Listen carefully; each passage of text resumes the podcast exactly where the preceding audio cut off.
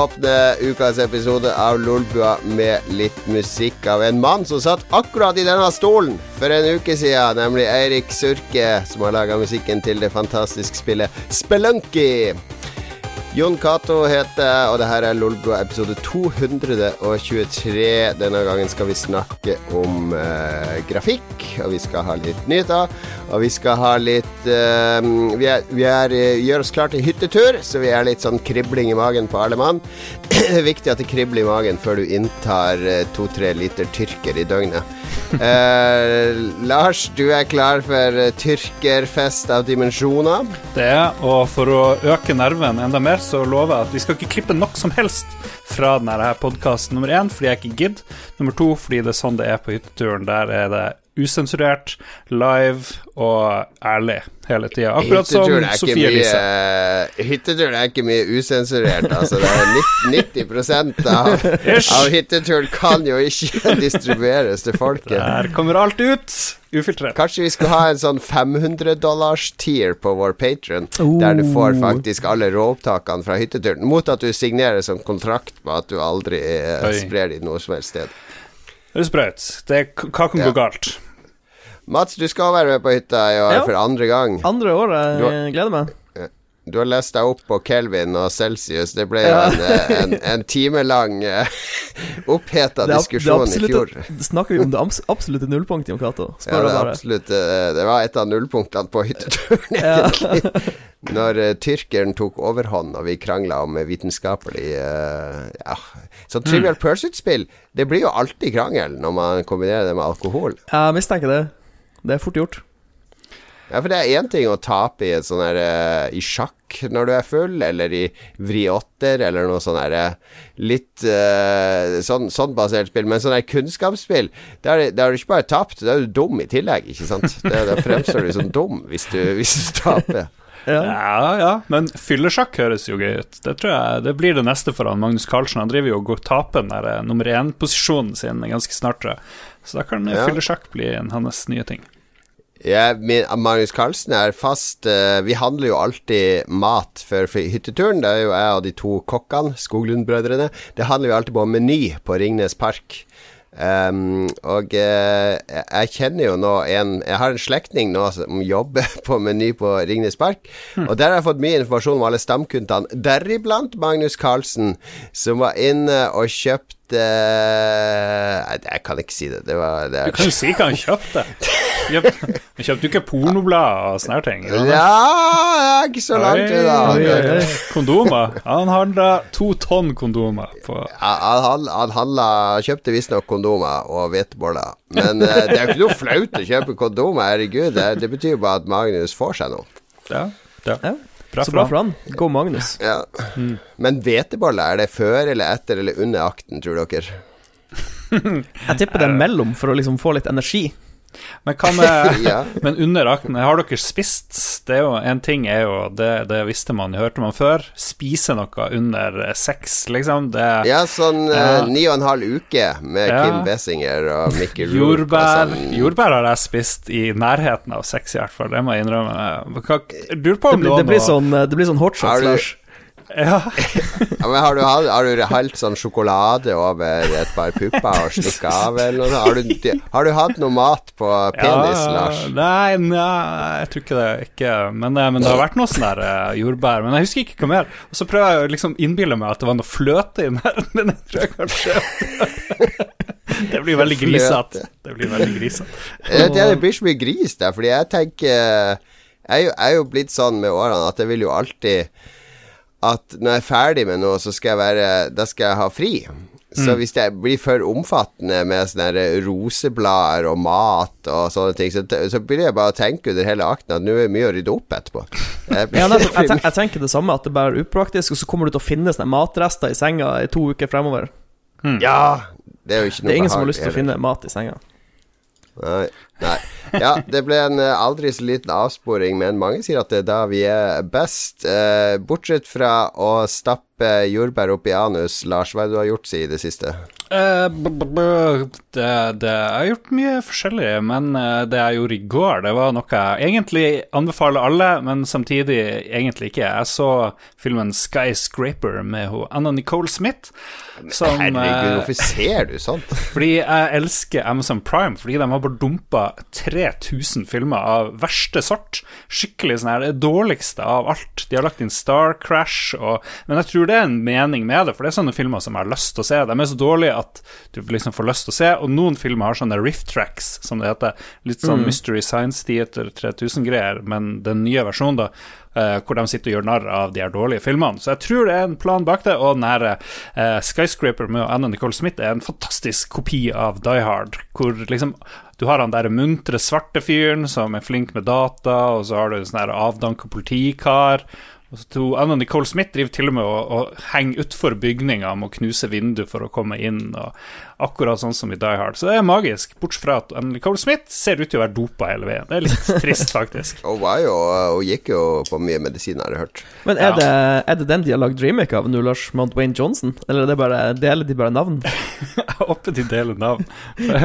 Vi, vi, får se etter hvis du ser den Dwayne Johnson-versjonen, for det er tre sånne ganske komplette sexscener med Anna Nicole Smith hvor du får se tits og alt mulig greier. Det var det ikke i Die Hard, det var ikke så mye sexscener der. Nei, nei. Så det, det er der vinner Skyscraper, helt klart. Ja, vet du at jeg eh, Jeg tror jeg kanskje nevnte det på podkasten i fjor, men i, i, rundt juletider så ble jeg så jeg har så greie av hvis jeg syns en film er kul, og den er basert på en bok, så prøver jeg alltid å lese boka. Så jeg leste jo boka som filmen Die Hard er basert på, mm. som heter noe sånn Tower et eller annet. Uh, det er no, noen forskjell fra filmen, da, for de som virkelig er Die Hard-kjennere, at de burde lese den boka. Mm. De som er Die Hard Die Hard-fans. Oh.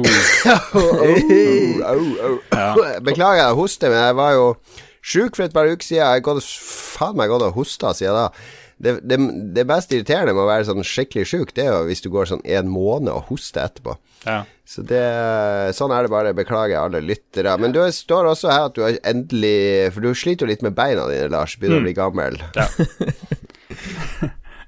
Så du har kjøpt deg roll rollerblades for å dra på jobb? Nesten. det Jeg skulle ønske jeg kjøpte rollerblades, men jeg har kjøpt meg en sykkel til 4700 og et eller annet kroner. Men det som er at det koster veldig mye for skjermer og sånn støtte og lys, så da ble det nesten 6000 kroner. Så vær oppmerksom på det. Det var jeg ikke helt forberedt på. Og hjelm, selvfølgelig. Hjelm har jeg 6000, det er det sykkelsetet mitt koster. ja, men jeg tenkte jeg, det er veldig liten sjanse for at jeg blir å bruke denne sykkelen jævlig mye, så jeg kjøper det billigste de har. Så that, that's where it's at. Da får du en dårlig sykkelopplevelse, da, Lars. Du må jo investere i en uh, karbonramme eller en hybridsykkel eller noe. Hvis du skal ha glede og inspirasjon til å sykle til og fra jobb hver dag, så må du ha en ordentlig sykkel. Jeg tenker elsykkel til uh, siste, siste, del av Harstegårdsbakken. ja, det skulle jeg ønske jeg hadde. Men jeg merker jo at jeg blir i god form bare liksom Eller ikke i god form, men jeg merker forskjell på de tre-fire dagene jeg har sykla opp en sånn jævlig lang bakke for de som ikke kjenner Harstad. Harstadgårdsbakken, killer, killer bakke. Og um, ja, den, ja. den, den tror jeg fjerner antall syklister i, i Harstad, for å si det sånn. Ja. ja. Hadde det ikke vært bedre for deg å sykle bortover Seljestad, altså opp forbi Heggen? Det er litt mindre brutal bakke, kanskje? Det gjør jeg av og til. Det gjorde jeg i dag. Ja. Gamle La oss snakke mer om lokal, lokalgeografien i Harstad. Gamle kirkevei, stemmer det. Bort forbi Ridderset, og så ved han eh, Antonsen, så tar du til høyre tar, tar til høyre ved Antonsen og Ridderset. Gjør det. Forbi uh, plantebutikken, kan det hete. Ja, ok, ok. Ja, Men sykkel er bra, Fordi da slipper du å belaste beina, for du har hatt litt problemer under beina, har jeg skjønt. Ja, det, det, er derfor jeg kjøpte sykkel, fordi det er et eller annet med venstre fot. Så jeg begynte jo å trene før sommeren. Trene, begynte å bevege meg mer da, og så uh, fucka opp foten, fordi etter det har gått til han Mats, faktisk, gikk en, uh, vet ikke, i mitt hode to mil, jeg vet ikke hvor langt det er til deg, det virka som to mil på asfalt i dårlige sko så gikk det galt til slutt. Men det var liksom siste begeret Siste dråpen som fikk begeret til å renne over, tror jeg. Men mm. uansett, det er kjedelig å høre om min dårlige fot. Men jeg har kjøpt sykkel, og det, det funker. Ja. Glad for det. Ja, bra for deg. Bra, at, du, bra at du gjør det.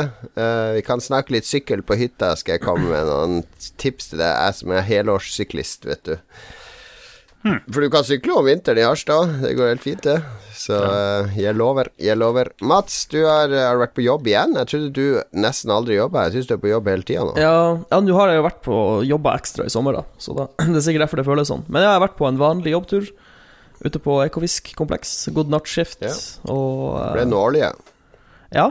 Det, vi pumper som bare det, så uh, det går bare godt. Men, men gjør du akkurat det samme? men gjør du akkurat det samme når du er på plattform? Liksom? Det, det, er ikke noe forskjell. Det er jobbe, gå på rommet, spise, eh, spille litt, og så Det er ikke at du får oppdage nye deler av plattformen eller finne ok, denne personen skal jeg bli bedre kjent med, eller det, det, du har ikke ja, tenkt på noe sånt? Som, det eneste som skilte seg litt ut, var at uh, denne turen så skjøtla vi litt rundt på forskjellige mm. plattformer. Så da var, det, da var, jeg på et par plattformer det er lenge siden jeg har vært. Ja.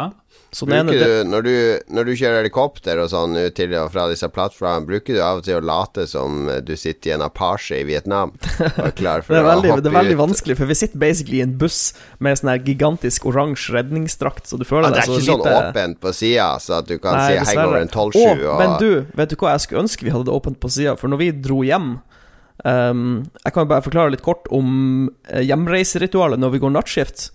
For jeg jobber jo basically Jeg står jo opp på tirsdag eh, formiddag, kanskje sånn rundt klokka tre på, eh, på middag, i middagstid. Og så går jeg på skift 19.00 eh, mm. tirsdagskveld. Og da jobber jeg jo gjerne hele det skiftet. Eh, og gjør klart for de som skal komme og avløse oss. Og så går helikopteret vårt på morgenen når vi skal hjem. Så jeg, jeg rekker jo ikke å sove noe på onsdagsmorgen før vi skal på helikopteret og dra hjem. Eh, og denne gangen, når vi dro hjem, så funka ikke ventilasjonsanlegget på helikopteret. Uh.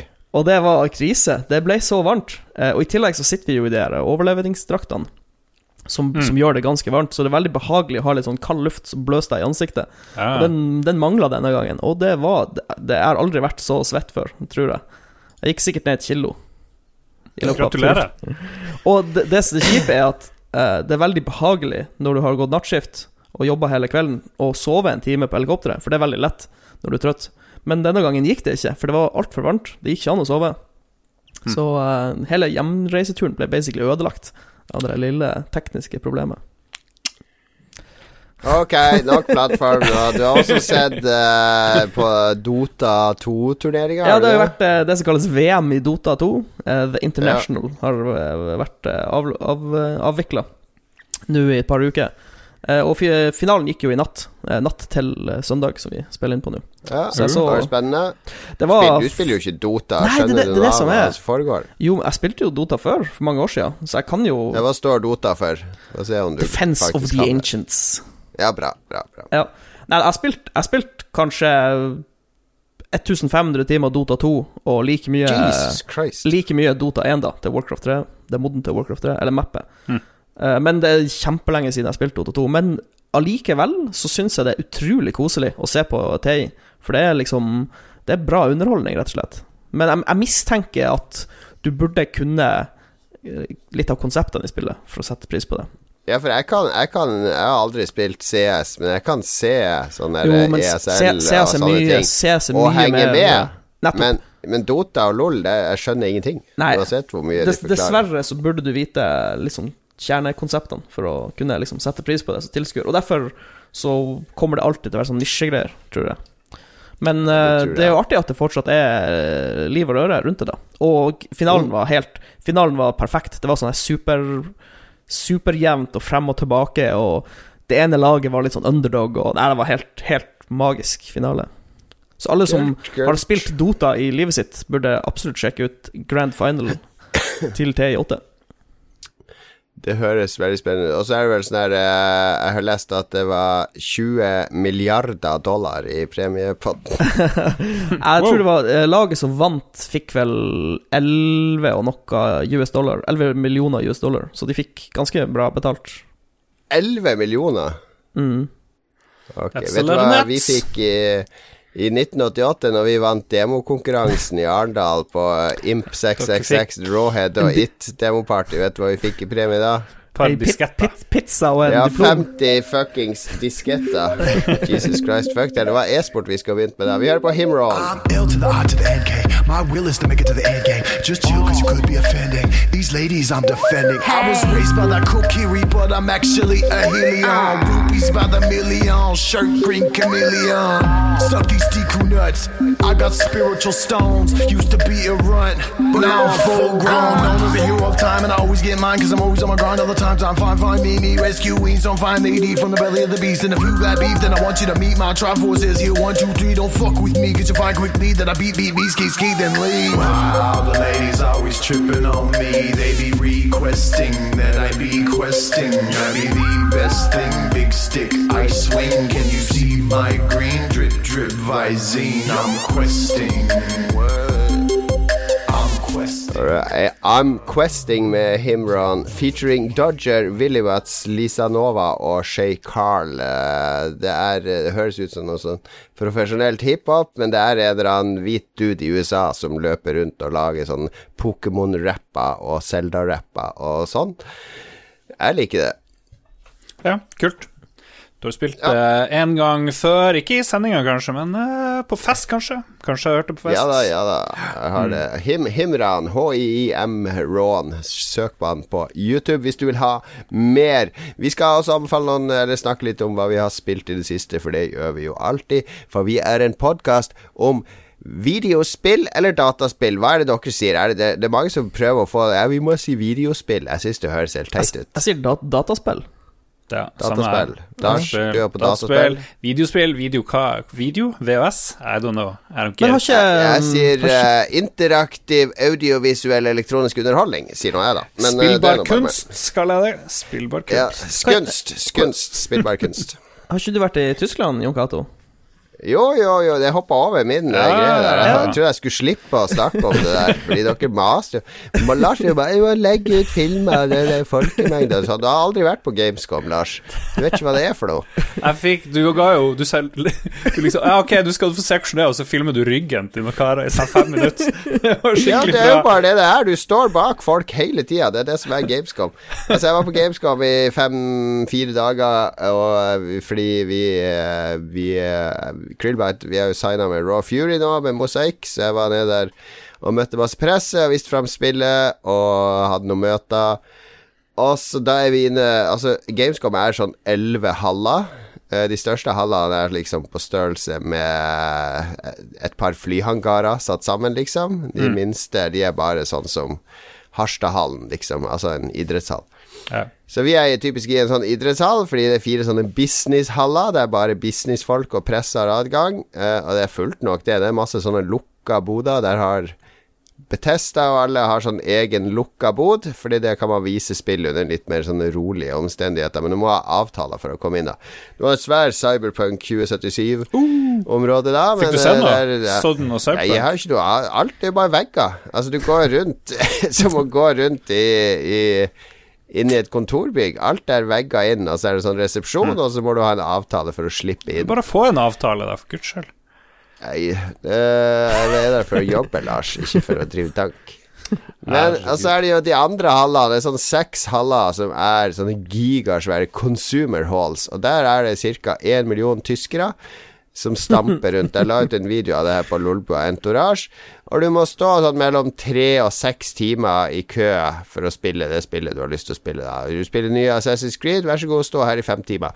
Vil du spille nye Destiny Expansion, vær så god, tre timers kø. Eh, og, og det er helt uh, Jeg or- fatter ikke at folk orker i det, fordi det er Ja. Kanskje jeg er blitt for gammel, rett og slett. Du har blitt for gammel. Du hadde sikkert gjort det, kanskje, hvis du var sånn her 18 år. 16, 17, 18, 19, 20. Altså, Eller hvis du- Man hvis du sånn liksom- lut Jo, men jeg tenker hvis du virkelig, virkelig brenner for et spill, så er du sikkert villig til å stå tre timer i kø for å prøve det nye spillet. Sikkert. Ja, jo Ja. da, men jeg er, jo, jeg er jo plassert. Jeg har jo spilt spill før tida, i 20 år, liksom, så det Jeg, jeg skjønner jo ikke appell, men det, jeg, jeg skjønner jo at andre kanskje syns det er dritkult å ha spilt ting før andre. Men eh, ja, det er, det er verdens største spillmesse, og jeg anbefaler jeg, jeg vet ikke om jeg vil anbefale folk å dra dit, egentlig. Hvis du elsker å stå i kø, så, så er det et kult sted å dra. Men Køln er jo en hyggelig by. De har jo den gigantiske Kølerdomen, og så er det et Gestapo-museum som jeg har vært på før. Og så er det Familiemuseet, du også kaller det. Bodde på hyggelig hotell. Jeg tok tog til og fra Frankfurt. tysk effektivitet det finnes ikke lenger. Det er, de er faen meg det mest ineffektive folkeslaget i verden. Uh, maten er bare flesk og duppe og feite ting hvis du skal ha sånn tradisjonell tysk. Og så er det litt sånn der uh, halv Spiste verdens verste sushi på Einstein Sushi, som det het. Det burde jo være et faresignal allerede der. Uh, nei, Tyskland er Tyskland, og ferdig med det. Men nå skal vi snakke om hva vi har spilt i det siste. Ja. Uh, jeg har spilt Jeg kan ta det fort. Jeg har spilt det samme som forrige uke. Dead Cells begynner å mose gjennom, begynner å bli litt flinkere. Um, plutselig så hadde jeg et sånn gjennombrudd, så klarte jeg nesten hele spillet, tror jeg. Jeg fikk et sånn super-OP-objekt som gjør at jeg blir usynlig. Uh, og PS, hvis du ikke vet hva jeg snakker om, uh, Dead Cells er sånn Metroidvania Rogue-aktig greie. Så.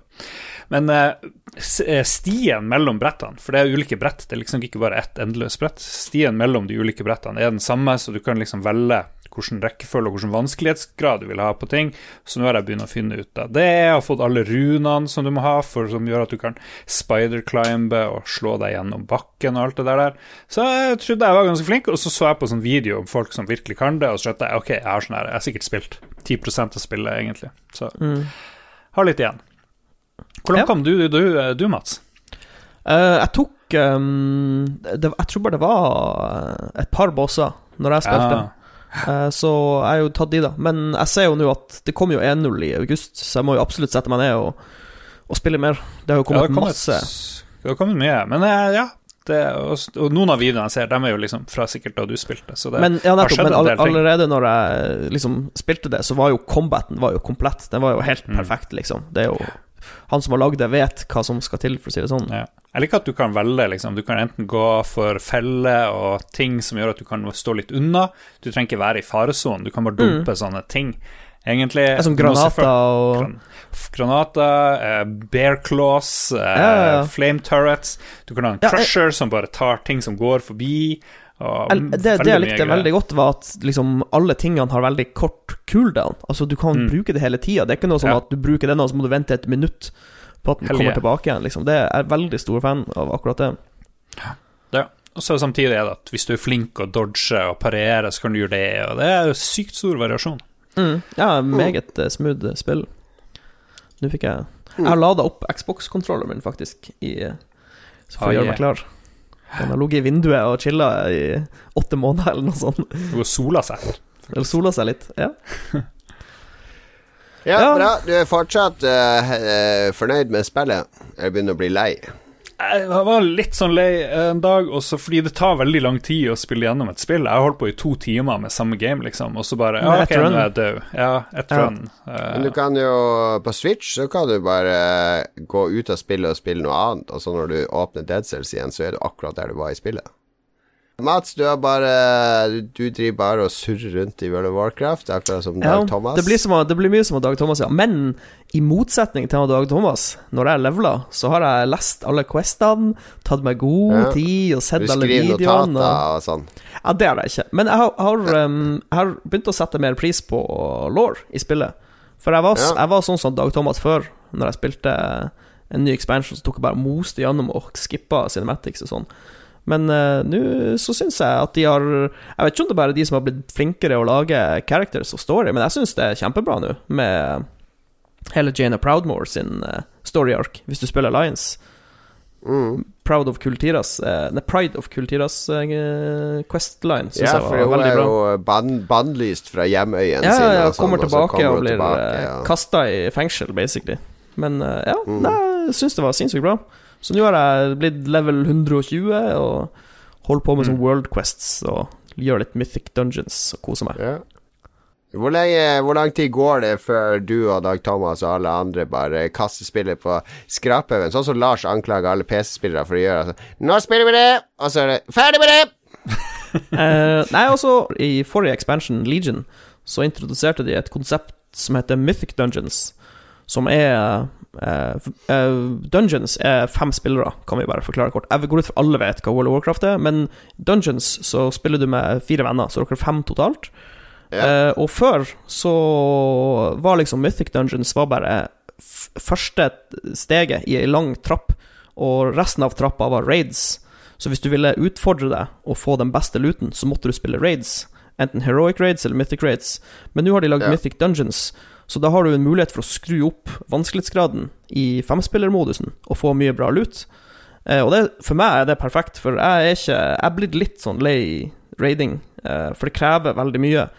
Kanskje at du, at du stiller deg til tilgjengelighet tre kvelder i uka og sånn.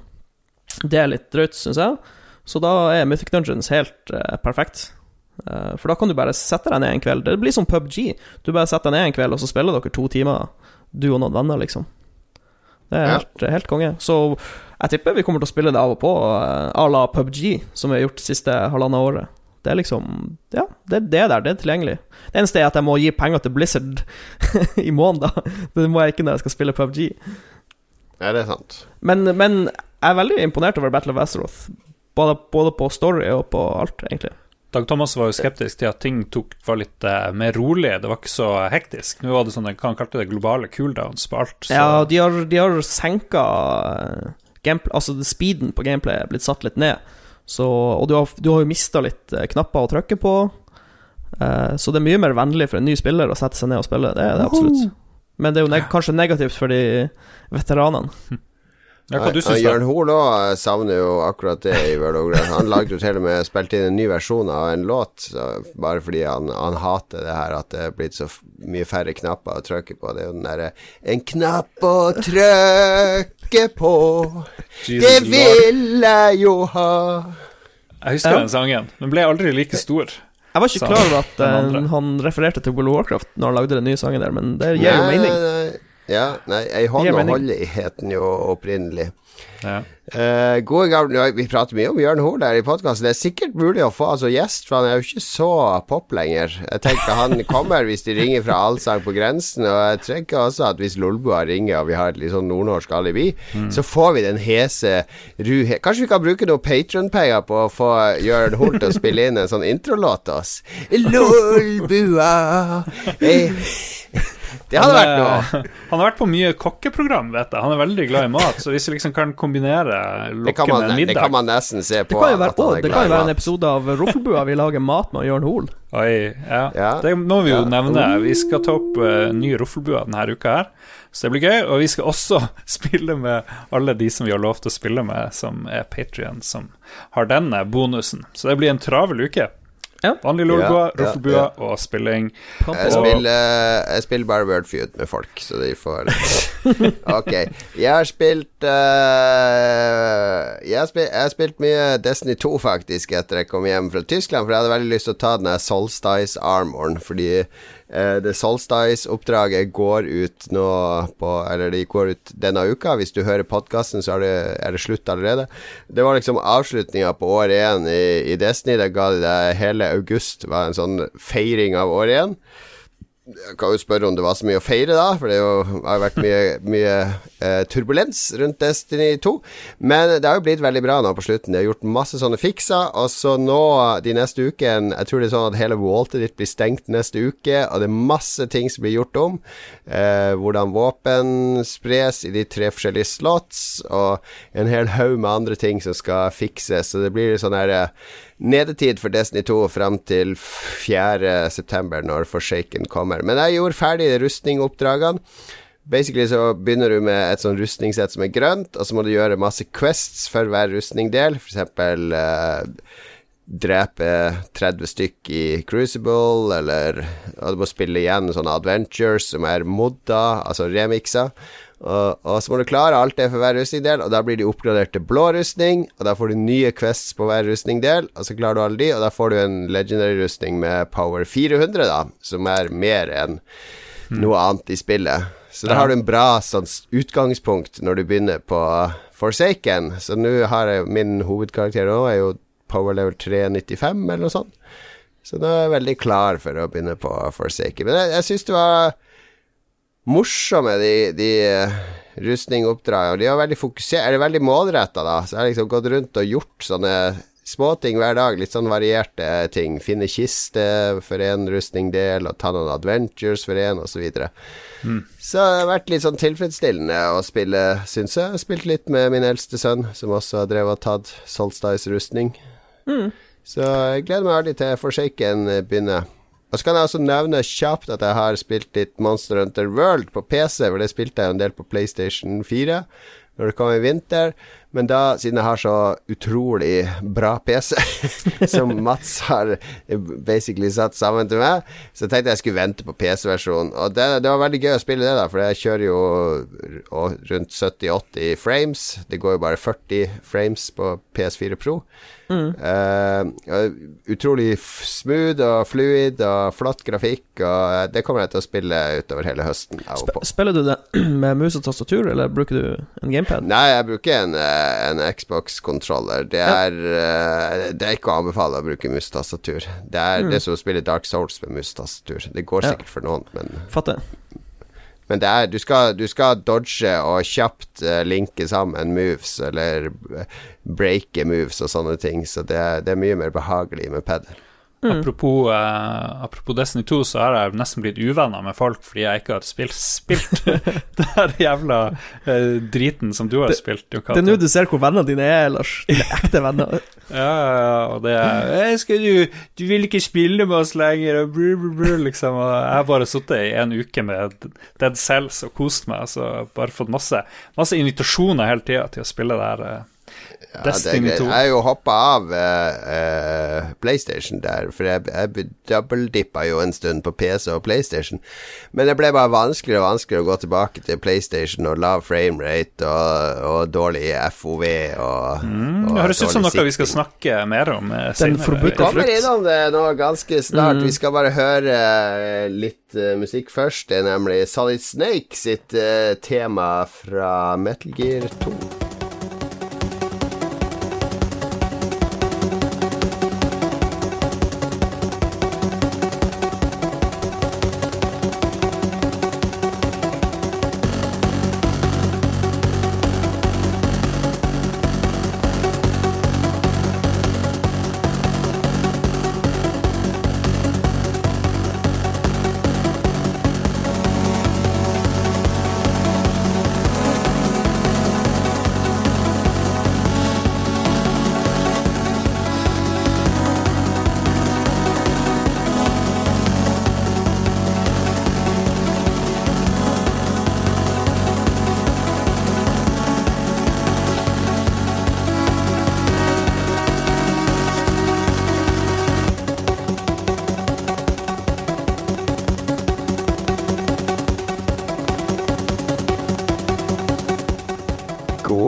gamle Snake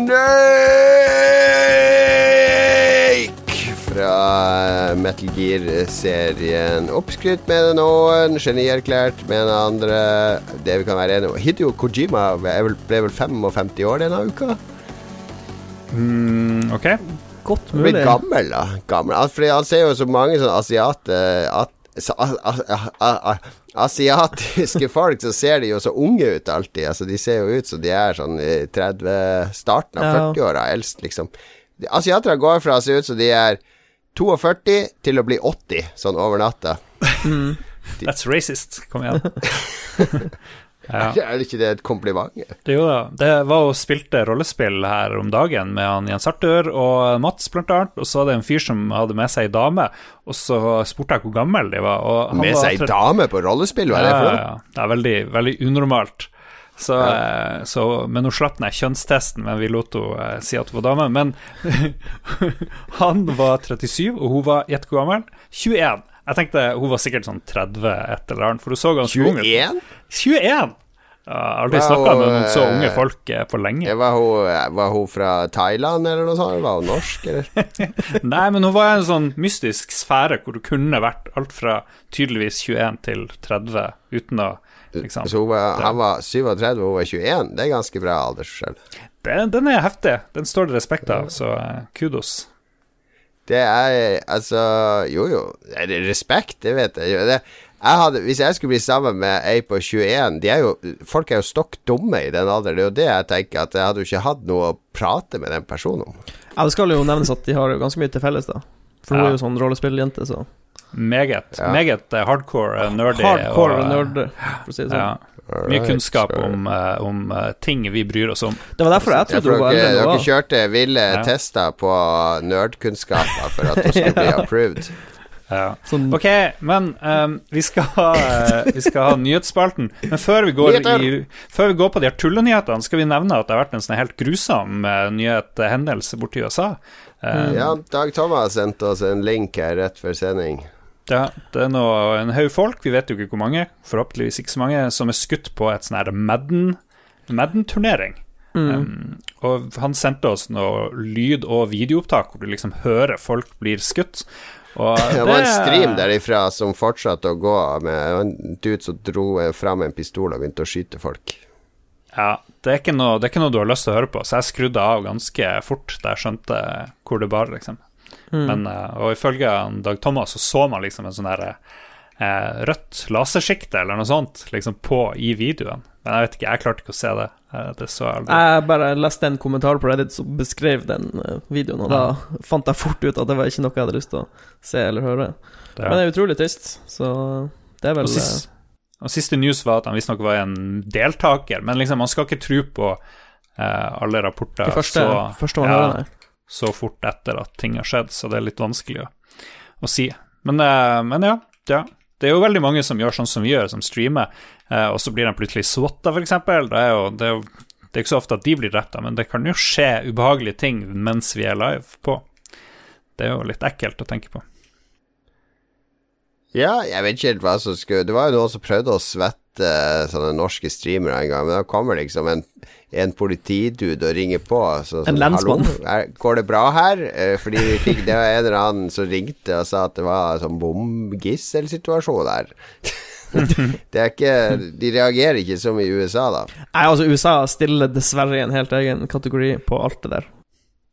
Nyheter, nyheter. Lama, eh, Lama, Lars, Mats. Mats, du må lese opp nyheter. Skal, skal jeg være nyhetsmann? Ja, du er det. Når du er med, så er du alltid nyhetsmannen vår. Du Lars, er kommer eh, du, vår legger du inn en sånn, eh, eh, sånn news-jingle før jeg begynner å lese opp? Nei, han skal ikke klippe i det hele tatt. Han blir så Ja, det var, lat. stemmer det. Ok, ja. Da kjører vi. Uh, Ubisoft setter Assassin's Creed-serien på pause. Selskapet sier at det ikke kommer nye spill før tidligst 2020. Det vil si klokka 2020 i kveld, og siden da har det kommet sju nye spill i serien. Oh. Men eh, det der uh, Hellas-greia, Odyssey, når kommer det, da? Ja. Kommer nå i høst. Å, så det kommer i 2018?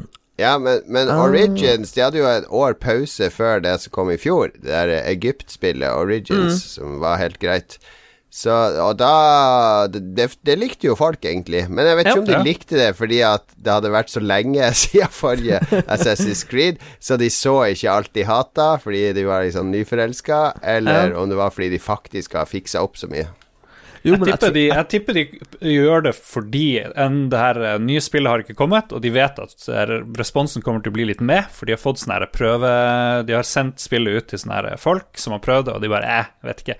Så da bare ok, hvis de sier nå det her er det siste spillet på to år, tre år, så kommer folk til å digge det. Lars, eh, som kjent under E3-streamen vår, så jo med en gang at de brukte alle assetene fra Origins. Absolutt. Det var ingen er nye akkurat det samme Akkurat det drittspillet. Nei, men jeg tror du kan være smart og chille litt, sånn at ikke folk får Assassin's Creed-fatigue og blir lei. Det, jeg tror Ubisoft er litt smart der. Ass Ja Trenger ikke Altså all, Nesten alle spillserier som kommer ut hvert eneste år, er jo litt kjipe, er det ikke? Mm. Call of Duty, Looking at Eh, You. Fifa, Call of Duty uh, Hva mer er det? Mad Madden kan få fri i kveld. Ja. Madden kan få seg en pause i kveld. Neste nyhet. Sexgale Larry vender tilbake. Pek og Sexgale Lars skal det egentlig stå der. oh.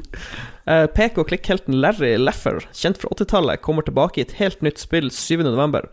Det tyske selskapet Crazy Bunch lover å putte spillfiguren i en tidsmaskin og frakte han til nåltiden, hvor Larry skal bruke apper som Timber og Instacrap. Vi i Lolbua har også en tidsmaskin og kan bekrefte at Instacrap er overskriften på den første anmeldelsen av spillet. ja, så Når fikk vi en tidsmaskin? Fikk vi råd til det med Patron-pengene? Det er det vi har brukt penger på, ja. Det er det. Okay. Ja, Larry, Larry Returns. Har vi trua på det har jeg hørt om før. Fordi tyskerne Det var jo litt sånn her um, uh, Det skal ikke så mye til for at det blir sånne kontroverser i spillnyheter, spillkulturen, men de hadde jo uttalt noe sånn som at uh, det skulle bli sånn politisk ukorrekt, og grunnen til at de reiste i tida, var at da kunne de være litt drøyere enn i dagens litt mer hårsåre uh, metoo-landskap og sånne ting. Så det ble jo noen reaksjoner på det, men jeg kommer ikke til å spille der. Jeg er jo ikke, jeg er ikke Hva var det siste lærerspillet jeg spilte? Det var vel det første, egentlig. Det er nok lenge siden, men eh, du som var i Tyskland nettopp, hadde de en egen hall for pek og klikk? De elsker jo de der eh, greiene der. Ja, jeg snakka med Det var en journalist eh, som intervjua meg, som jeg snakka en del med, for han var sånn adventure-spill-spesialist, da. Så jeg snakka litt med han om det, om han f.eks. om han var sånn så hardcore at han ikke, hvis han satte seg fast i et pek og klikk-spill, lot han være å google svaret, f.eks., og sånne ting. Men eh, nei, det gjorde han. Men de, de er veldig populære i Tyskland, i pek og klikk-sjangeren.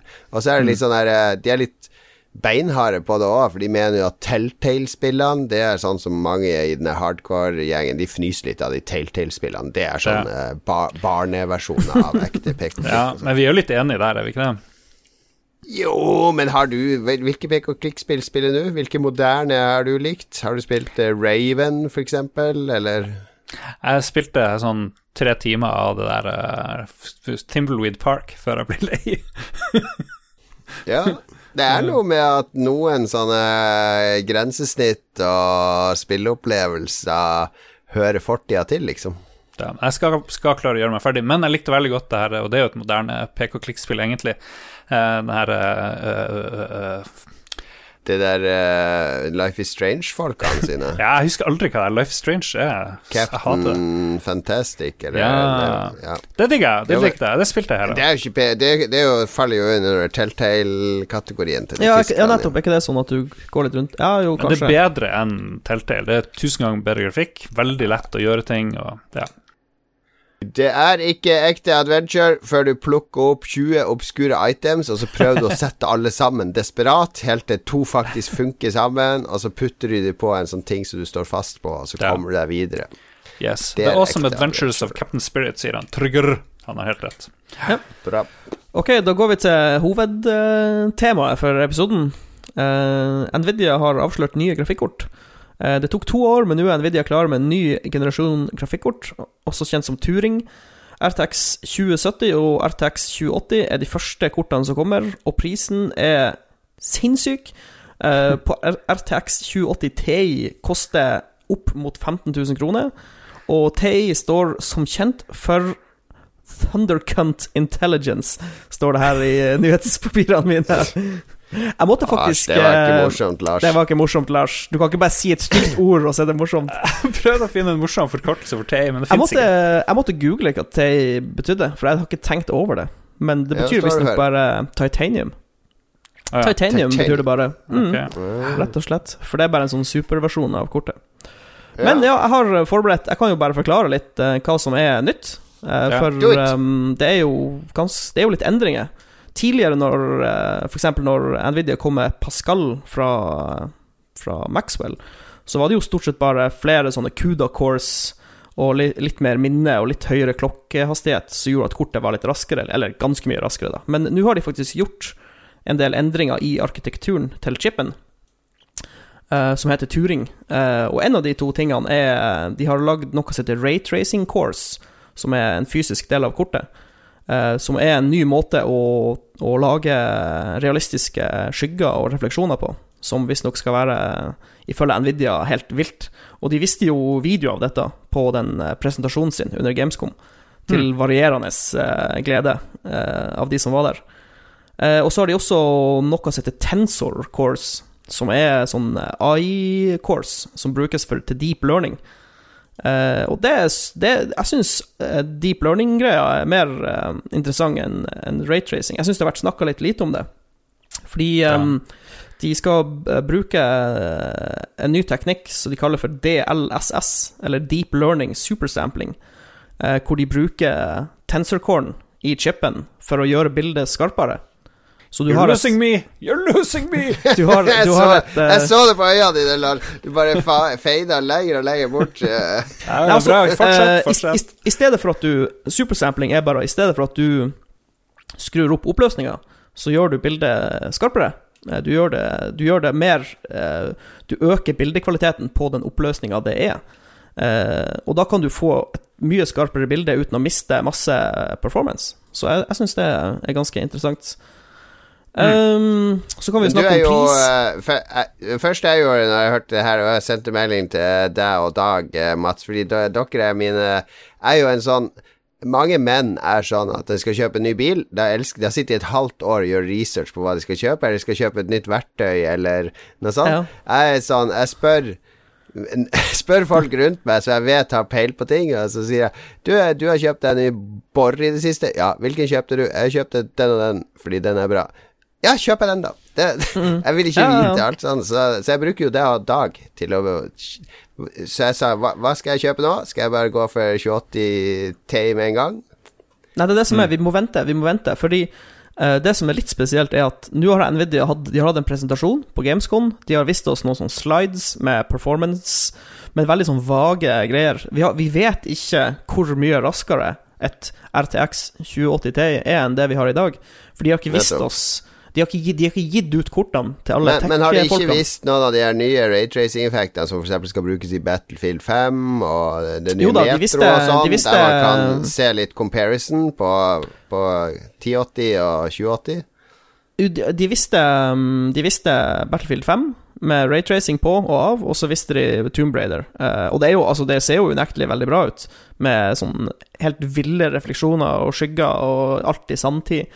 Eh, men det er jo så dyrt. Altså, kortet er jo sinnssykt dyrt. Jeg satt og um, Jeg gikk på Nvidia sin hjemmeside og så eh, på prisene der. Eh, for de slipper jo Nvidia slipper no, noen kort de kaller Founders Edition, som er liksom Mm. eh, Historisk sett har Founders Edition bare vært litt dyrere kort for å på en måte støtte Nvidia, på en måte, fordi Nvidia får alle pengene. Men det som er litt spesielt nå, er at på, under presentasjonen så sa han, han Nvidia Jensen at eh, Founders Edition lå på rundt 1200 US dollar for toppkortet, RTX 2080 Ti. Og det, Mm. når, du- når du gjør det om til norske kroner, så blir det 12.700 norske kroner for RTX 2080 Ti Founders Edition. Men hvis Ja. jeg går på komplett eh, og ser på det som ikke er Founders Edition, f.eks. MSI sitt Gaming X Trio, så koster det 13 000 kroner. Ja, Og under, det. presen under presentasjonen så ble det jo gitt to tall. Det ble gitt 999 eh, US dollar for non-Founders Edition, og 1200 dollar for Founders Edition. Så hvorfor er da Founders Edition billigere enn MSI sitt? Crazy. Crazy! Det, vet- det vet vi ikke. Det kan være at de har gjort om, eller at det er noe ny eh, Men straffetoll, Det vi, det, vi, det vi kan være enige om, er at det er snakk om syke priser. Uh, Ja. det er, dette er ikke noe som kommer til å rekruttere flere PC-gamere, tror jeg. Så jeg liker Nei. ikke, jeg liker ikke utviklinga med at Nvidia har jerngrep på grafikkavdelinga. Det er skummel utvikling. Og nå tror jeg vi ser resultatet av det. mm. Men Faen, for samtidig en, uh, hardcore PC-episode det her blir. Ja, men, okay, men sam, samtidig, samtidig så liker jeg at Nvidia utforsker nye teknikker. Altså det med raytracing og DLSS. Altså at de, at de For de kunne, det de kunne ha gjort De kunne gjort sånn som de gjorde med Pascal. At de bare lagde en ny arkitektur som er nesten identisk til den forrige, og litt bedre. Og sagt at den har kostet 10 000 kroner, uten at vi får noe nytt. ja, I stedet så pusher de det til et nytt nivå. Nettopp, de lager ny tech, og det er ganske, er ganske vill chip. Den er jo eh, ganske mye større enn den gamle chipen. Så ja, eh, men, men som sagt, ingen burde forhåndsbestille de kortene her, fordi vi har ikke Nei, nei, fått nei, det er, jeg skjønner. Jeg skal sitte og vente på testene, og så venter jeg på deres dom over testene. Men vi, Mm. du vet jo når Cyberpunk 2077 kommer, du har ikke lyst til å sitte med det 1080 Ti- og gå glipp av den ultimate grafikkopplevelsen i spillet, Nei da. Jeg spilte jo, jeg spilte jo uh, The Witcher 3 på mitt 1080 Ti, og det var jo en uh, halleluja-opplevelse av dimensjoner. Så ja, jeg kommer sikkert til å kjøpe et sånt her kort på et tidspunkt, men jeg vil, jeg vil se tall Og jeg faktisk, hvis, hvis det ikke er insane improvement, så betaler jeg ikke 12 000, 12 500 for et nytt grafikkort. Det tror jeg ikke jeg gidder, faktisk. Men vi får se Vi får se på når eh, tech- tech-siden får håndene sine, hendene sine på kortene. Lars får siste ord her. Uh, takk for innføringa, Mats. Uh, Ja. Vel, det, det er derfor, derfor vi har deg med. Både ditt gode vesen og din enorme innsikt inn i PC-spillene sin, uh, sin verden og hardware. Eh, Lars, du får siste ord her. Hva er, hvilket spill har verdens beste grafikk?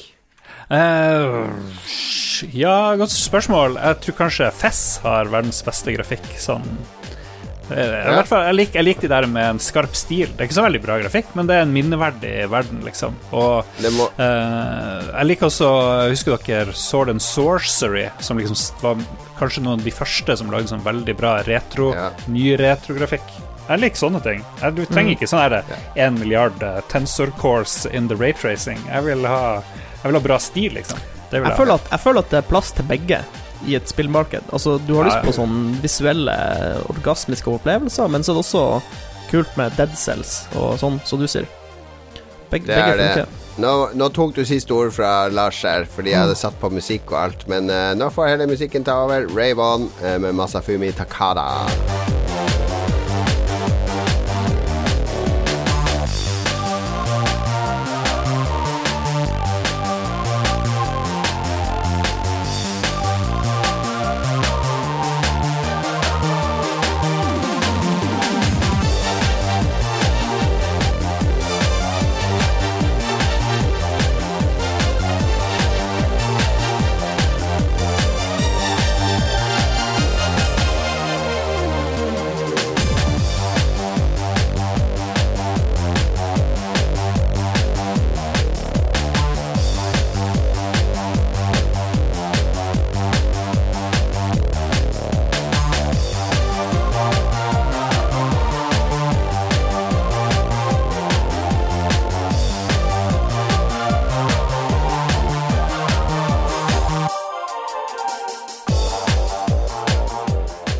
Suda51 sitt gamle mesterverk, det er Killer 7 og låten uh, Rave On. Killer 7 har sånn Lars-grafikk, sånn veldig stilistisk, uh, minimalistisk og uh, meget absurd spill.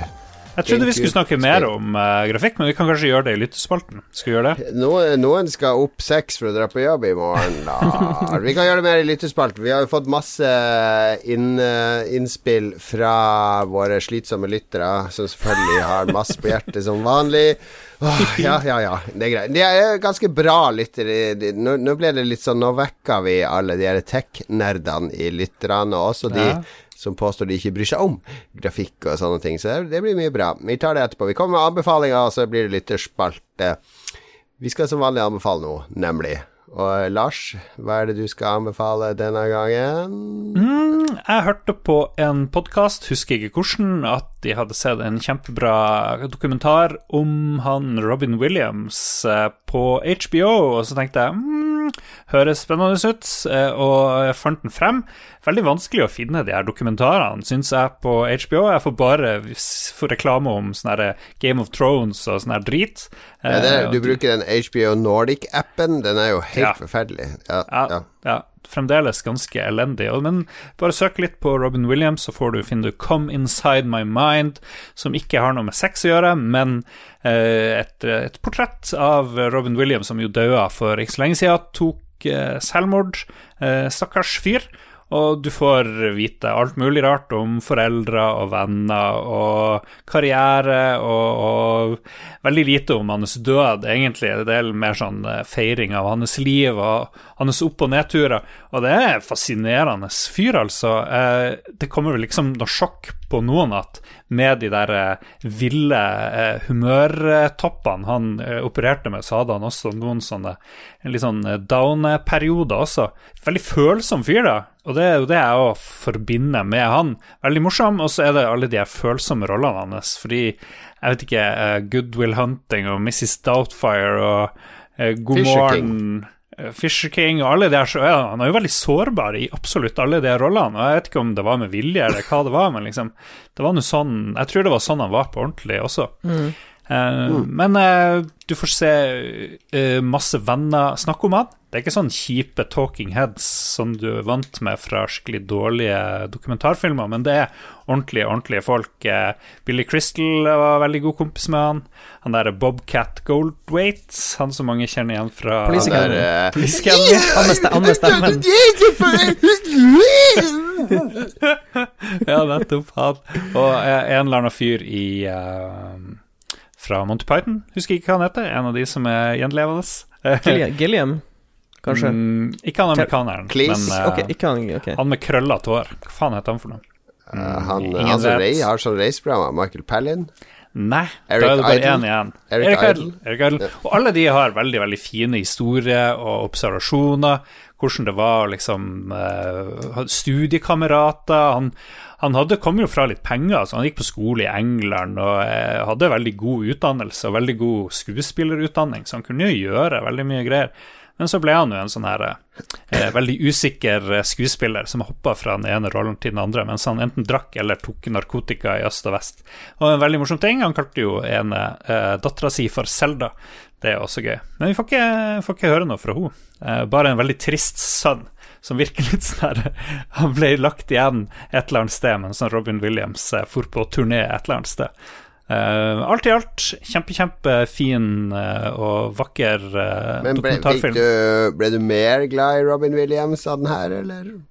Ja da, ja da. Fikk litt, eh, fikk litt mer medfølelse og respekt. Han var jo så kjapp i hodet, ikke sant. Han var så sykt kjapp, han kunne liksom bare knipse, og han for hit og dit og riffa på ting og eh, Han ja. kunne bare knipse og ferde hit og dit. Ja, det er en kul egenskap. Ja, han hadde Ja. en god sånn improv-komiker. At han liksom eh, der og da kunne si noe utrolig morsomt. eh, Rent mentalt så kunne han gjøre noe sprang. Det er helt, mo helt motsatt av oss tre, med andre ord. Det er vi Ja, sånn absolutt. krampaktig prøve fortvilt å komme på et eller annet morsomt å slenge inn. Ja. Men lagde Robin Williams podkast? Nei, så der knuser vi han. Nettopp. Jeg skal anbefale en dokumentar, jeg òg. Eh, fordi den eh, Jeg har jo Eller NRK er veldig flink å legge ut sånne interessante dokumentarer. De har hatt dokusommer. Og og så Jeg så de hadde lagt ut en sånn svensk dokumentar i seks episoder som heter Saken Christer Pettersson. Som jeg ble litt nysgjerrig på. Jeg vet jo ikke så mye om Se, så interessert var Lars. Da bare stakk han, Han bare rett dro. ut av rommet. Nå kan vi si hva Han skal jo ikke klippe her. det. jeg har, lagt den der til lista mi på NRK. Ja, det var det, ja. Det er bra. Det er bra. Ja, han skal ikke klippe det her, så nå kan vi snakke litt sannhet. Hva heter Lars sin karakter i det rollespillet dere spiller? Uh, Lirian. Han spiller en female gunslinger. Lirian? Mm. Ja, en female gunslinger? Mm. Si noe annet morsomt om henne, så skal jeg overraske Lars etterpå. Uh, hun prøvde å Eller han prøvde å forføre en sånn derre eh, Sånn eh, dude som har en sånn her båt, sånn kanalbåt, som drar rundt i Ja. den ene byen, heter Tamran. Ja, ja, ja, ja.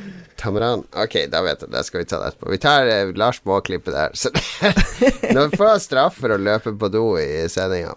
Jeg skal jo Ja. late som ingenting. For kanskje han ikke klipper det. Og hvis du hører det her, betyr det at Lars ikke har gidda å klippe det. Men eh, også, nå skal vi late som vi kommer rett inn i det, for da kommer Lars tilbake. Sånn.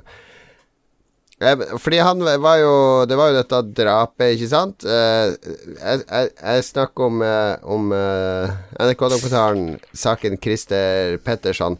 For det var jo dette drapet på Olof Palme i 86, eh, som ble skutt ned på åpen gate. Og så sleit politiet veldig med å finne ut hvem det var. Det første var noe sånn fra kurdisk etterretning eller et eller annet. Og så etter hvert så arresterte de en fyr som heter Christer Petterson. Her kommer det jo fram da i denne dokumentaren at det var en sånn female gunslinger som heter Li... Nei da. Vi har snakka om, om rollespillkarakteren din mens du var på do, Lars. Eh, Nå kommer det jo fram i denne dokumentaren da at Christer Petterson Det er litt sånne eh, rare omstendigheter rundt hvorfor han ble arrestert. Og så blir det jo en del bevisføring etter hvert på at eh, et, en, i hvert fall én par av de politifolkene har drevet og pusha vitner litt og lokka med ting og tang og for å få sånne junkier og sånt til å vitne mot han. Og er ganske dodgy opplegg, altså. Eh, så Han blir jo kanskje ikke 100 uh, Han ble jo frikjent i Høyesterett, Christer Petterson, da.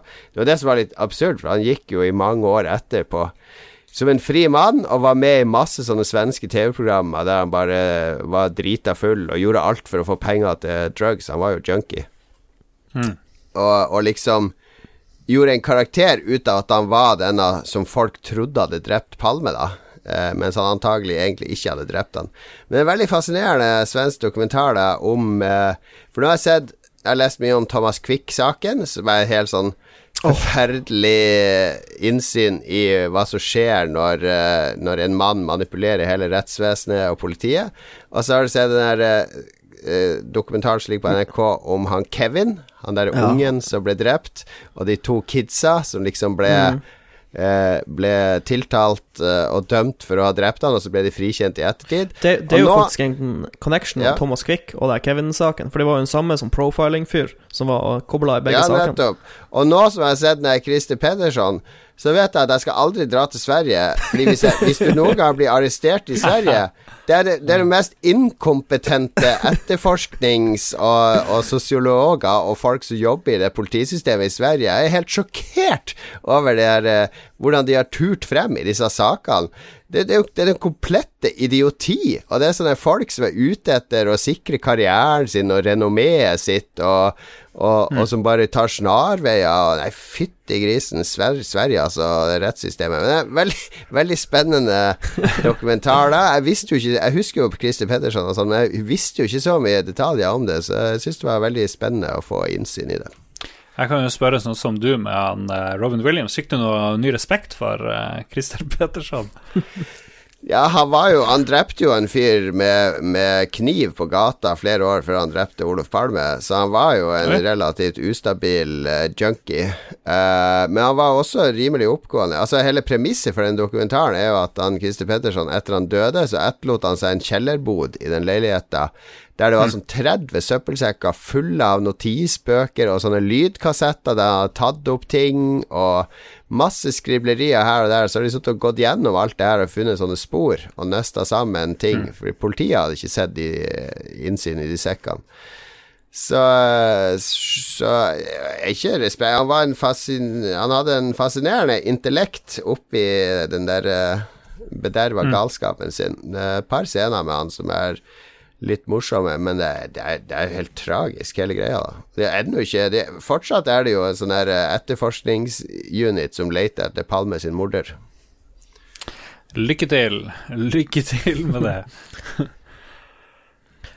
ja. Og der er Mats. Um, jeg har um, Dette er jo noen måneder siden, men jeg leste den siste boka i uh, Expanse-serien. The Expanse. Uh, bokserien. Det er den sci-fi-serien om uh, det Stemmer det, som du kan se på uh, Som har blitt ja. TV-serie. Um, den heter Persepolis Rising, uh, og nu, det er jo litt vanskelig å anbefale bok syv i en serie, så jeg må jo egentlig bare anbefale hele serien. Uh, denne, vi har sikkert snakka om den før, men det er en veldig sånn fin science fiction adventure-serie, for den er veldig lettlest, bøkene er ikke så lang, uh, og så syns jeg at de alle bøkene er solide. Det er ingen svake bøker i serien. Uh, men de er ikke superdype heller, da. Du må liksom Det er lettspist uh, space, uh, space adventure. Er det Gidder å se TV-serien, siden du har lest bøkene? Uh, ja, jeg holder på å se sesong tre nå, men um, um, jeg må innrømme at bøkene er bedre. For det, jeg, har, jeg, har, litt sånn issues med Nei, vet du hva, jeg beklager. Jeg, jeg har sett sesong én og to, jeg har ikke sett sesong tre. Uh, for mm. den, er, den, er, ikke kommet på Netflix ennå, for de har sånn treg uh, avtale. Men, det, er, det er den eh, TV-serien med han der uh, som går rundt med hatten hele tida, han er detektiven? Han, han detektiven, ja. Han, jeg hater Thomas, der, Thomas Jane. karakteren der. Jeg syns det var så kjedelig. Ja, men det, det, har jo skjedd litt på Expense-fronten. TV-serien blir jo flytta til Amazon nå, så sesong fire kommer på Amazon. Fordi Sci-Fi valgte Da blir det med Anna Nicole Smith.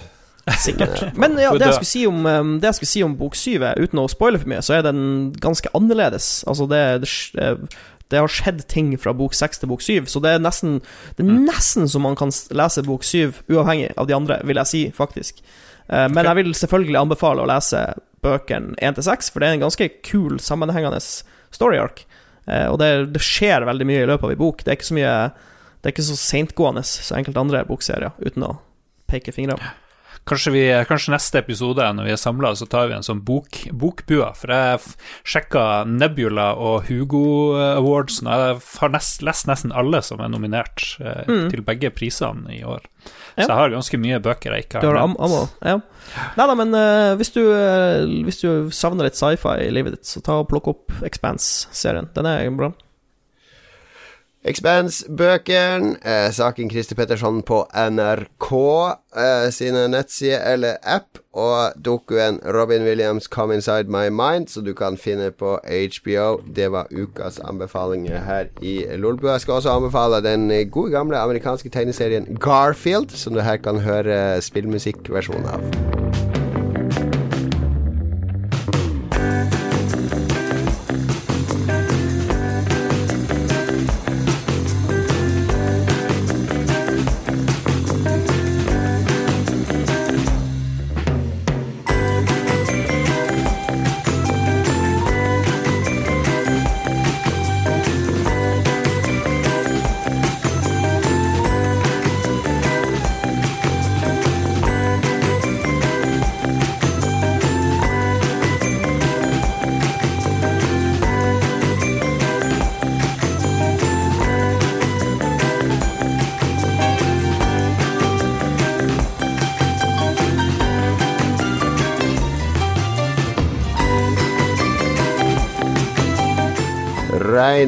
Overhand, eh, en meget, meget dyktig eh, nederlandsk musiker som har covra veldig mange Kommunal 64-låter med ekte instrumenter. Hva er det som er så viktig på telefonen din at du må sitte og se på den? eh, Eh, apropos han der Rein, så tror jeg han skal spille i eh, Bergen snart. De har en sånn uh, spillkonsert som jeg har veldig lyst til å fære på, med sånn her Ben Daglish og Jeg husker ikke, nå bare gjetter jeg hvem som er der, men jeg tror i hvert fall han er der Er det Eh, Må vi finne ut. Det skal jeg finne ut mens før sendinga er over.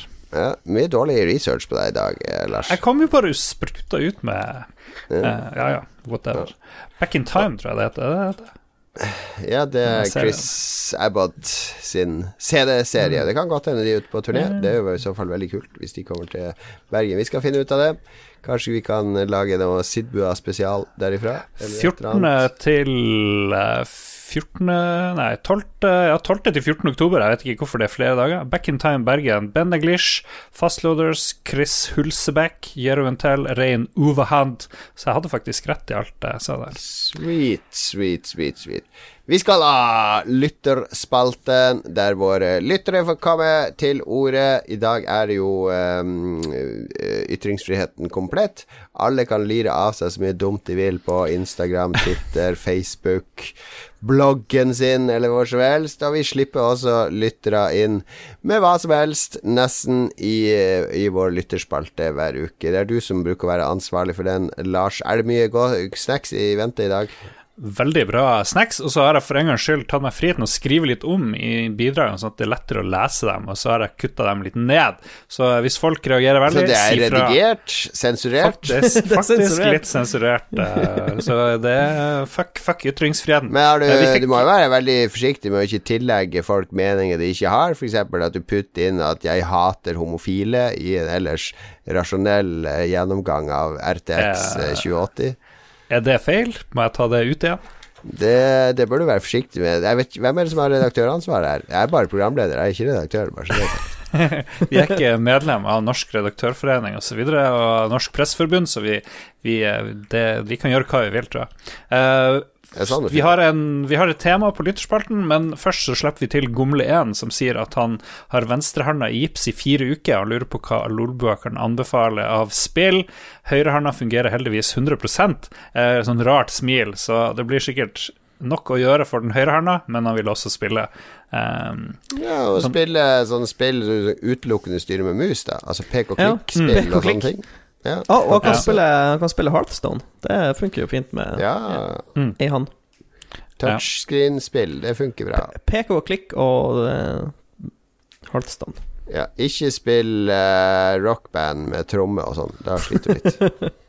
Eller gitar, for den saks skyld. ja. Så der fikk Gomle svar. Lykke til, eh, god bedring. Eh, det vi egentlig spurte om, var hva vi synes Eller hva folk tenker om grafikk nå, eh, med tanke på de her nye Nvidia-hysteriet, ikke sant.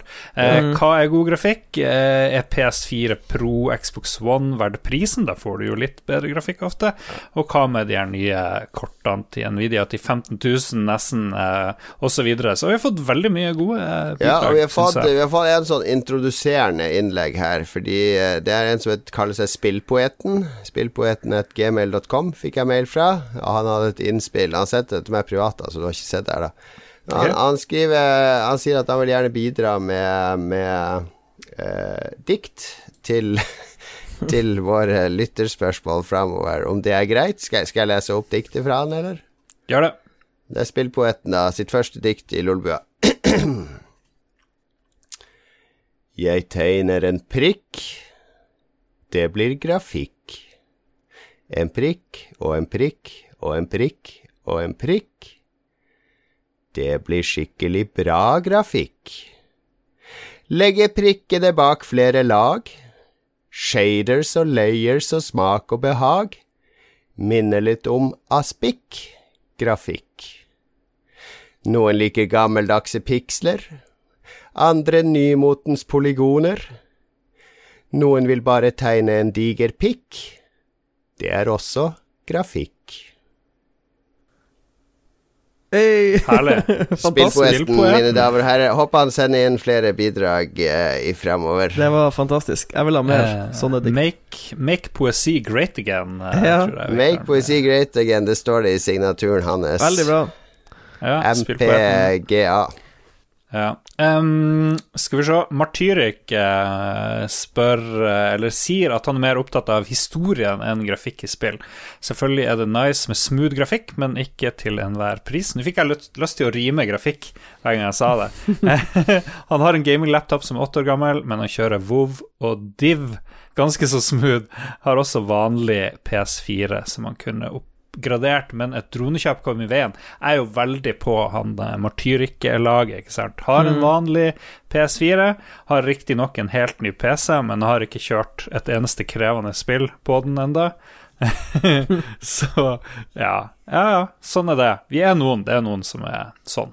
Mer opptatt av historien, eh, nettopp. Jeg er mer Jo, opptatt av det indre. Dere er opptatt av det ytre. Nei, men altså, jeg er jo ikke uenig. Jeg har jo ikke lyst på bare et pent spill. Jeg vil jo ha bra historie òg, men jeg mener at du kan få alt.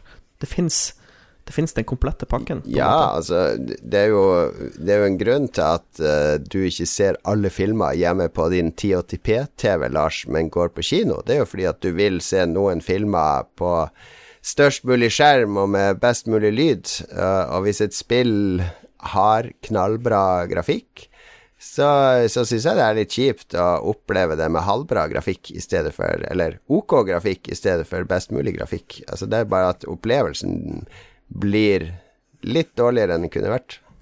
Og så føler jeg at uh, I hvert fall for meg så er det viktigere med at et singleplayer-spill skal være fint. For da, da, da bruker jeg litt lengre tid. Da står jeg kanskje og ser litt og nyter litt. Men i et multiplayer-spill så er det bare FPS all Ja, the way. er For da skal jeg springe på- rundt. På PubG og sånn så slår- skrur man jo ned grafikken for Ja, å få best mulig performance, ikke sant. Ja, ja, Så det, det er jo litt motsatt der. Men sånn som Cyberpunk, jeg, jeg tenker at det kommer til å være ganske stor forskjell på PS4 Basic-versjonen som du skal spille, Lars, og en Mm. uh, RTX 2080-versjon. Men tror dere at dere nyter The Witcher 3 mer enn jeg Absolutt. gjør, fordi dere har bedre grafikk? Ja, Witcher 3 har jeg spilt både på PS4 og på 1080 Ti. Eller, det er to la meg- helt la meg- ganske la meg- forskjellige opplevelser. La meg korrigere meg sjøl. Jeg tror jeg får mer ut av den visuelle opplevelsen, på samme måte som du gjør det hvis du skal se en film på, på kino, eller Ja. Altså, du maksimerer den visuelle opplevelsen. Ok, ja. Neimen, det Yes. er spennende. Mm. Vegard Mud Mud Mudenia Han sier at han eh, ble helt blown away av vår virkelighetslikt Golden Eye var i sine glansdager. Når man ser på spill i dag, så tenker man jo hva i helvete var så bra med dette? Men en dag i dag bryr han seg ikke så mye om grafikk. Han spiller nesten bare indiespill type Binding of Isaac og Dead Cells. Ja. Det er jo vanskeligere å få bedre grafikk i Dead Cells, tror jeg. Det spiller ganske likt på Switch og PC. Jo, jo, det, det, det er jeg helt enig i. Det- Men det syns vi no, Sånn back in the day når vi spilte Golden Eye på 64, syns vi det var så bra? Altså, grafikken var bra, men vi tenkte ikke at det var virkelighetsdikt. Det tenkte jeg aldri på noe tidspunkt i Ja, Golden Eye. jeg tenkte fordi du skjøt De kunne skyte de soldatene i ballene og i beina og i magen. Altså, var, og, og de ja. reagerte. Det var en sånn helt reaksjonsfysikk som ikke hadde vært Fordi hvis du skjøt folk i Quake og sånn, så bare var det samme type død. Ah, sånn, ja. Det var ikke sånn at armer ble Du skyter en i skuldra i Golna, så skuldra blir dytta bak, og han Det var sånn reaksjonsmønster som var helt amazing virkelighetstro. Mm. Ja. Ja. Så, ja. Jo, jeg er enig, enig der med han Vegard. Jeg er det. Mats Han eh, Conwar eh, sier at eh, grafikken i dagens spill er så bra at han aldri kjører på høyeste innstillinger. Det viktigste for han er FPS, og 144 FPS i online shooters. Så nevner han Counter-Strike, Global Offensive, er det, viktigste. Altså, Ja. Det er jo det vi har sagt. det er et minimum Ja, det er, der er vi vel stort sett enige. Eh, Ja. Øystein Reinertsen sier at han i yngre dager var opptatt, opptatt av at grafikken skulle være god. Etter hvert som jeg har vokst til, så er ikke det like viktig. Jeg betaler heller for en god historie med gjenspillingsverdi. Eh, og så sier han nå skal det sies at han er konsollspiller og ikke PC-spiller, og henger seg ikke altfor mye opp i framerate som alle gjør nå om dagen. Så det, det er litt sånn forskjellig. Ja, men men er det fordi de det ikke vet sånn bedre, eh, eller? Nei, nå er det litt sånne eple og bananer og sånne ting her, fordi det er jo ikke sånn at ja, at eh, jeg eller Mats, hvis, hvis vi er på litt samme lag er at vi velger bort spill som Dead Cells fordi vi mener at grafikken ikke er sånn her eh, superpumpa som tyner grafikkortet. Det handler jo ikke om det i det hele tatt. Det handler bare om at de spillene som satser på den type grafikk, eh, blir bedre hvis, eller blir kulere visuelt hvis man har best mulig grafikk. Så det, det er jo ikke sånn at Før var det jo sånn, når vi var yngre i hvert fall, så var det sånn at grafikk solgte spill veldig, ikke sant, så man kunne kjøpe det spillet som hadde best grafikk, fordi det så best ut. Mens eh, man i dag så, er, så jeg velger i hvert fall ikke spill ut fra det, da. Ja. Nei, jeg er enig. Men framerate er viktig, altså. Herregud, hvis du det, ja, jeg, jeg sa også til meg sjøl at framerate var ikke viktig, men det var når jeg hadde dårlig PC. Så sånn er det bare. Ja. Jo, det, det blir sånn litt at man ser litt lyset når man har spilt mye med høy framerate. Og jeg tror, jeg tror spillutviklerne begynner å innse det òg, fordi det er mange som føler at 60 er Jeg håper i hvert fall at 60 blir det nye minimumskravet. Ja. Men det er jo ikke spesielt cinematisk. Der kan vi vel være enige. Nei. Du må ha 24 FPS. Kobra Kar. Kenneth, eh, ja, var det meg? Du? Eh, Jeg tror det Kenneth, Kobra Kar 84. Vil, jeg ville nok heller brukt 15 000 kroner på Xbox One X og en god 4K-TV enn å kjøpe et grafikkort til PC. Hvis du skal oppgradere til de nye 2080, må du ikke da også fikse deg en ny monitor og mulig ny prosessor også. Kanskje de laveste kortene som 2060 til 5000 er mer verdt pengene, bla, bla, bla. Ja, altså Det blir jo en prioriteringssak, men det, det jeg tror kan bli en ting nå med neste generasjon Nvidia, er at den forrige generasjonen, Pascal, altså 1080 og de, fortsatt blir aktuell. Fordi med 1080 Ti, du kan jo spille sannsynligvis Cyberpunk 2077 på maks i 1440P på 60 pluss FPS. Det tror jeg går helt fint. Så jeg tror ikke det er sånn at du må ha det.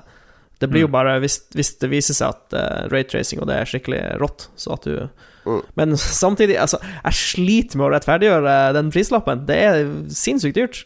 Ja. Men, men Eh, må du, er det sånn som han sier, at du må ha ny monitor og ny Nei, det må du ikke. Det må du ikke. Uh, faktisk, mange av de demoene Nvidia visste, var i 1080p-oppløsning. Uh, det vil si opp, standardoppløsninga til PS4 og Xbox Non-Pro. Mm. Så Og jeg har jo Min monitor er jo, begynner å bli ganske flere år gammel, og den kommer jo til å holde seg lenge. Altså, Mm. det skjer ikke så mye på monitorfronten. Og 4K Jeg føler at 4K fortsatt er et stykke unna, på en måte, å være allemannseie. Jeg er jo eh, Nå tenkte jeg over at kanskje Fordi en av grunnene til at jeg har gått litt bort fra konsoll nå, og nesten bare spiller på PC, er jo også at jeg har ikke sånn 4K HDR-TV.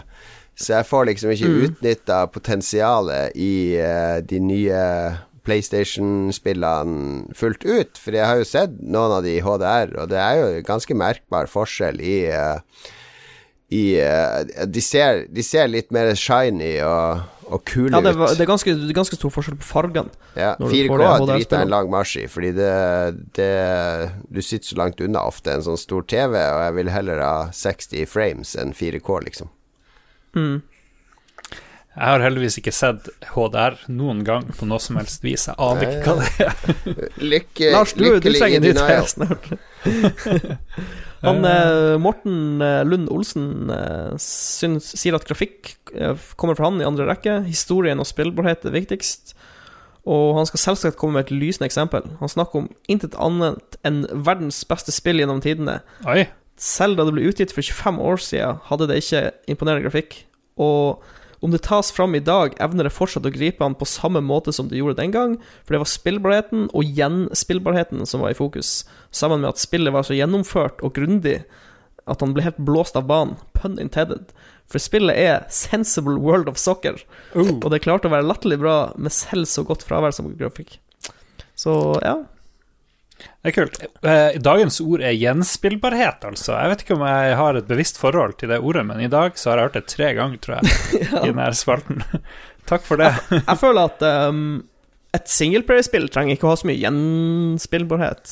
Jeg, har- jeg har jo lyst til å bare bli ferdig med det, sånn at jeg kan spille mitt go to multiplayer-spill. Er det ikke sånn det fungerer?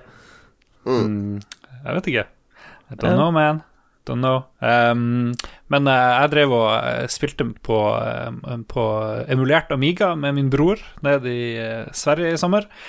Fant frem uh, Turboraketti. Ah, det er veldig morsomt. Sykt simpel grafikk, men utrolig, utrolig morsomt. Så uh, jeg tror vi med, med godt grunnlag kan si at grafikken er ikke det viktigste, men det er ganske kult med singleplayer-spill som har rå grafikk også. Det er ikke liksom Ja, ja, ja. Ja. Skal vi postulere det? Vi er enige om det. Vi er enige om det. Eh, Boysemannen eh, sier 15 000 for et grafikkart er ikke verdt pengene. Boom! PS4 Pro og Xbone X gir 60 FPS, så det er fordelene der. Personlig er jeg ikke vant med 60 FPS, så jeg klarer meg fint med originalkonsollene. Det er litt herlig.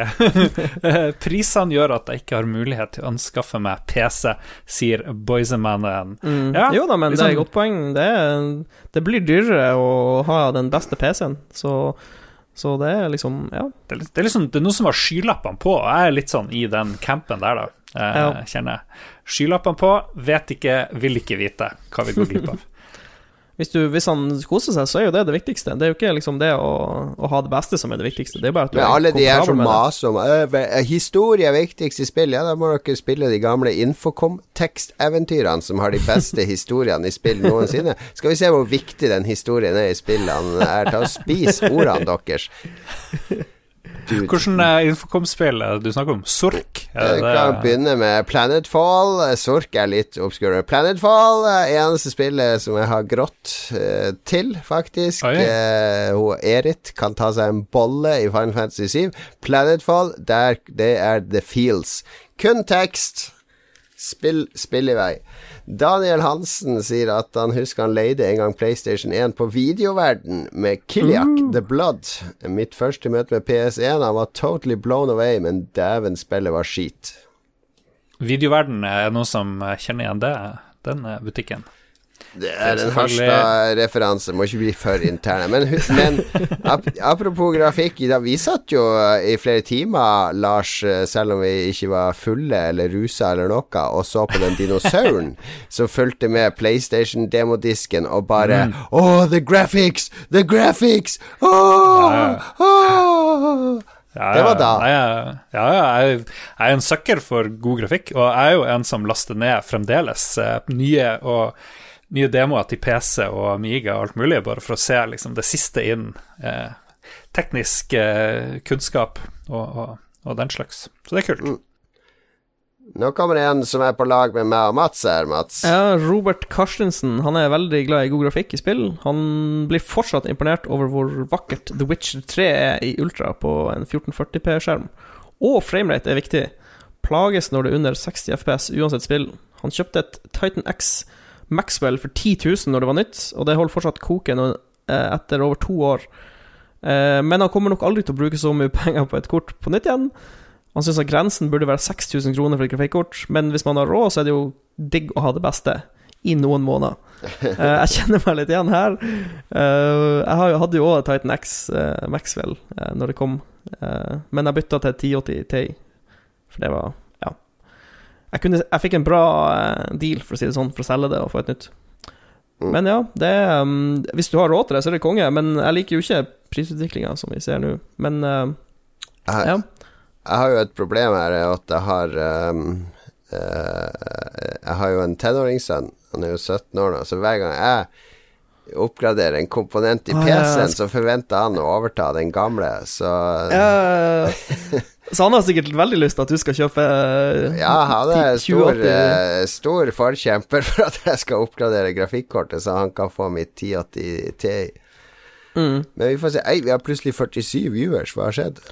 Jeg tror det kom noen sånne level up-folk inn på kanalen Ja, ja, ja. Velkommen skal dere være. Så hallo vi, vi går igjennom alle våre lytterspørsmål. Bare sier det her, sånn at Lars må klippe litt i podkasten. Ja, nå må jeg klippe. Ja, men de driver og etterlyser interaktivitet, så de, eh, driver, de er litt sur fordi vi ignorerer dem. Men sånn Ja. er det når du tar opp en podkast her. Jo. Hvor vi var hen, da? Jeg er på Jon Inge. Er det min tur? Ja, det er det vel. Eh, Jon Inge, same. Fancy grafikk har alltid vært spennende, men så klart ikke et krav. Nye greier fra Nvidia er interessant, men tror jeg venter på å se hvor bra det blir. Uh, viser seg gang på gang at ny teknologi må uh, integreres før det kan utnyttes godt. Vet ikke helt hva han mener med det, det må sikkert, uh, må, må sikkert modnes før det liksom blir bra, kanskje. Mm. Se på forskjellen på tidlig spill versus de siste i en konsolls levetid. Og der er vi Jo da, helt det er- enige.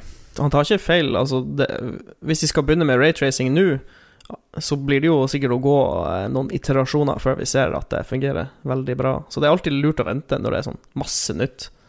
Masse ny tech. Absolutely. Marius Hokland. Pro X er helt klart verdt pengene, tenker han. Altså PlayStation Pro og Xbox One X. Eh, med tanke på hvor mange timer man bruker dem, det er jo for så vidt et godt poeng. Syns det er på grensen til useriøst når anmeldere ikke har tilgang på X og Pro. Spill skal spilles på best mulig måte på konsoll, så kan man være innom lavere versjon for å poengtere forskjeller i anmeldelser. Eh, og det er ikke bare grafikk som er forskjell mellom X og Pro og vanlig. På Xbox er det opptil ett minutt lastetid i forskjell på strikes etc. I løpet av en dag med spilling så blir det ganske mange minutter. Ganger uker og måneder og år. Da blir mye spart. Uh, uh, han har noen rare regnestykker her. Men ja, jeg ser jo poenget. Det er jo For eksempel i Monster Hunter World, som jeg nevnte tidligere, så er det jo nesten ingen loadetid på PC når du har det på en SSD, mens det var ganske lange loadetider på PlayStation 4. Som, eh, som, som gjør at jeg drikker mindre øl mens jeg spiller, fordi jeg har aldri pause til å drikke øl, og, og da får jeg ikke i meg så mange kalorier. Da har vi siste innlegg fra lytterne. Glenn Bø eh, sier at hvis vi ser tilbake på spill, så ser vi at et fåtall av dem tåler tidens tann. De spillene som faktisk gjør det, har satsa mer på design enn ren grafikk. Og prismessig så er han villig til å strekke seg til rundt 6000-7000. Det virker som det er det magiske tallet. Ja. Og det er fordi han føler han ikke må ha det beste og siste. Og ellers så syns han ikke prisen er noe å skrike over. Det er veldig mange som bruker 10 000 på en telefon hvert år, som, og, så, som om det er den, verden, den, mest normale tingen. Og derfor ser han ikke noe galt med å bruke 15 000 på et grafikkort. Jeg liker at eh, han Glenn er klar til å bruke 15 000 på eh, nytt uh, grafikkort. Eller han sier jo ikke at han ikke vil gjøre det, han, men han forstår de som gjør det. Jo Kanskje da. bedre. Ja. I do. Hvor mye bruker du på en ny pistol, Mats? Lurer jeg på. Det, de var jo eh, For det første så går ikke de så mye ned i pris. Altså de, de mister ikke verdi, og så er de ganske dyr, kan vi si. Ok. Så du kan selge en pistol for like mye som du kjøpte den? Eh, sånn, ja, ikke, ikke like mye, men den, den går litt ned. Men, eh, eller min, min har gått litt opp i verdi, faktisk. Men ja, det kan vi ta i en annen, en annen episode. All right. Det var lytterspalten. Ja, det var lytterspalten. Eh, takk for alle som sendte inn bidrag, eh, og det var vel egentlig opptaket eh, i dag til eh, Det var ukas podkast. Vi avslutter der eh, med å takke våre to produsenter, Lars. Ja, TTMXMP og eh, Kobrakar, eh, Kenneth, som eh, støtter oss eh, veldig herlig og med mye på eh, www.patrion.com slash lolbua. Tusen takk. Alle som lurer på hva det i all verden de har fått med seg her, hvis de har dumpa inn plutselig, kan sjekke lolbua.no, eller finne oss på Facebook. Neste uke skal vi spille inn litt seinere, så alle de barna som invaderte eh, chatten på Twitch, eh, er i seng. Eh, For her var det plutselig mange som dumpa inn som ikke skjønte veldig mye. Veldig hyggelig at dere kommer innom. Det her er altså vår podkast Lolbua, som vi spiller inn hver uke. Vi har spilt inn 223 episoder. Er noen som sier de skal drepe seg sjøl? Er noen som tror det er terapi? Do it, do it. Fint at vi får se Twitch sin ekte side. Um, vi er tilbake neste uke med enda mer sånn terapeutisk innhold med nordlendinger i hovedsetet. Hva er det som skjer neste, i neste ukes sending, Lars? Jeg har ikke peiling. Hva skjer i neste ukes sending, Cato? Det er sendinga før den store hytteturen, så det blir en pre-hyttetur spesial. Eh, vi skal forberede oss litt på vi, vi er jo såpass gamle at vi skal jo feire en 50-årsdag på årets hyttetur. Det er morsomt, samtidig som en sier dere er for gamle til å være på Twitch. Ja, ja, ja, ja, ja. Vi, var, vi var på Twitch når du eh, fortsatt ikke var født, eh, kjære venn. Eh, Vi eh, avslutter med litt musikk av eh, Rob Hubbard.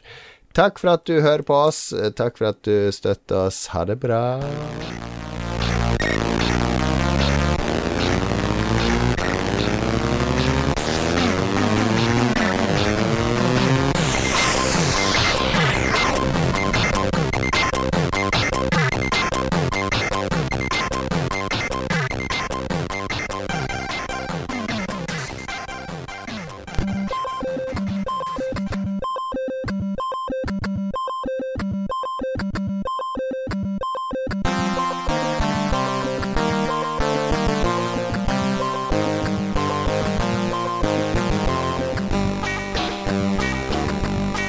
Bye.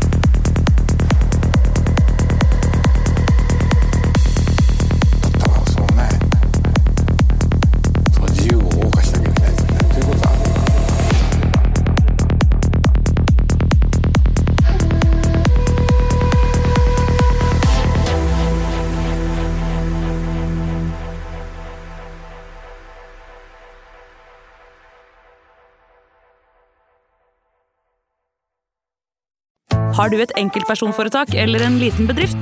Da er du sikkert lei av å høre meg snakke om hvor enkelt det er med kvitteringer og bilag i fiken, så vi eh, gir oss her, vi. Fordi vi liker enkelt. Fiken superenkelt regnskap.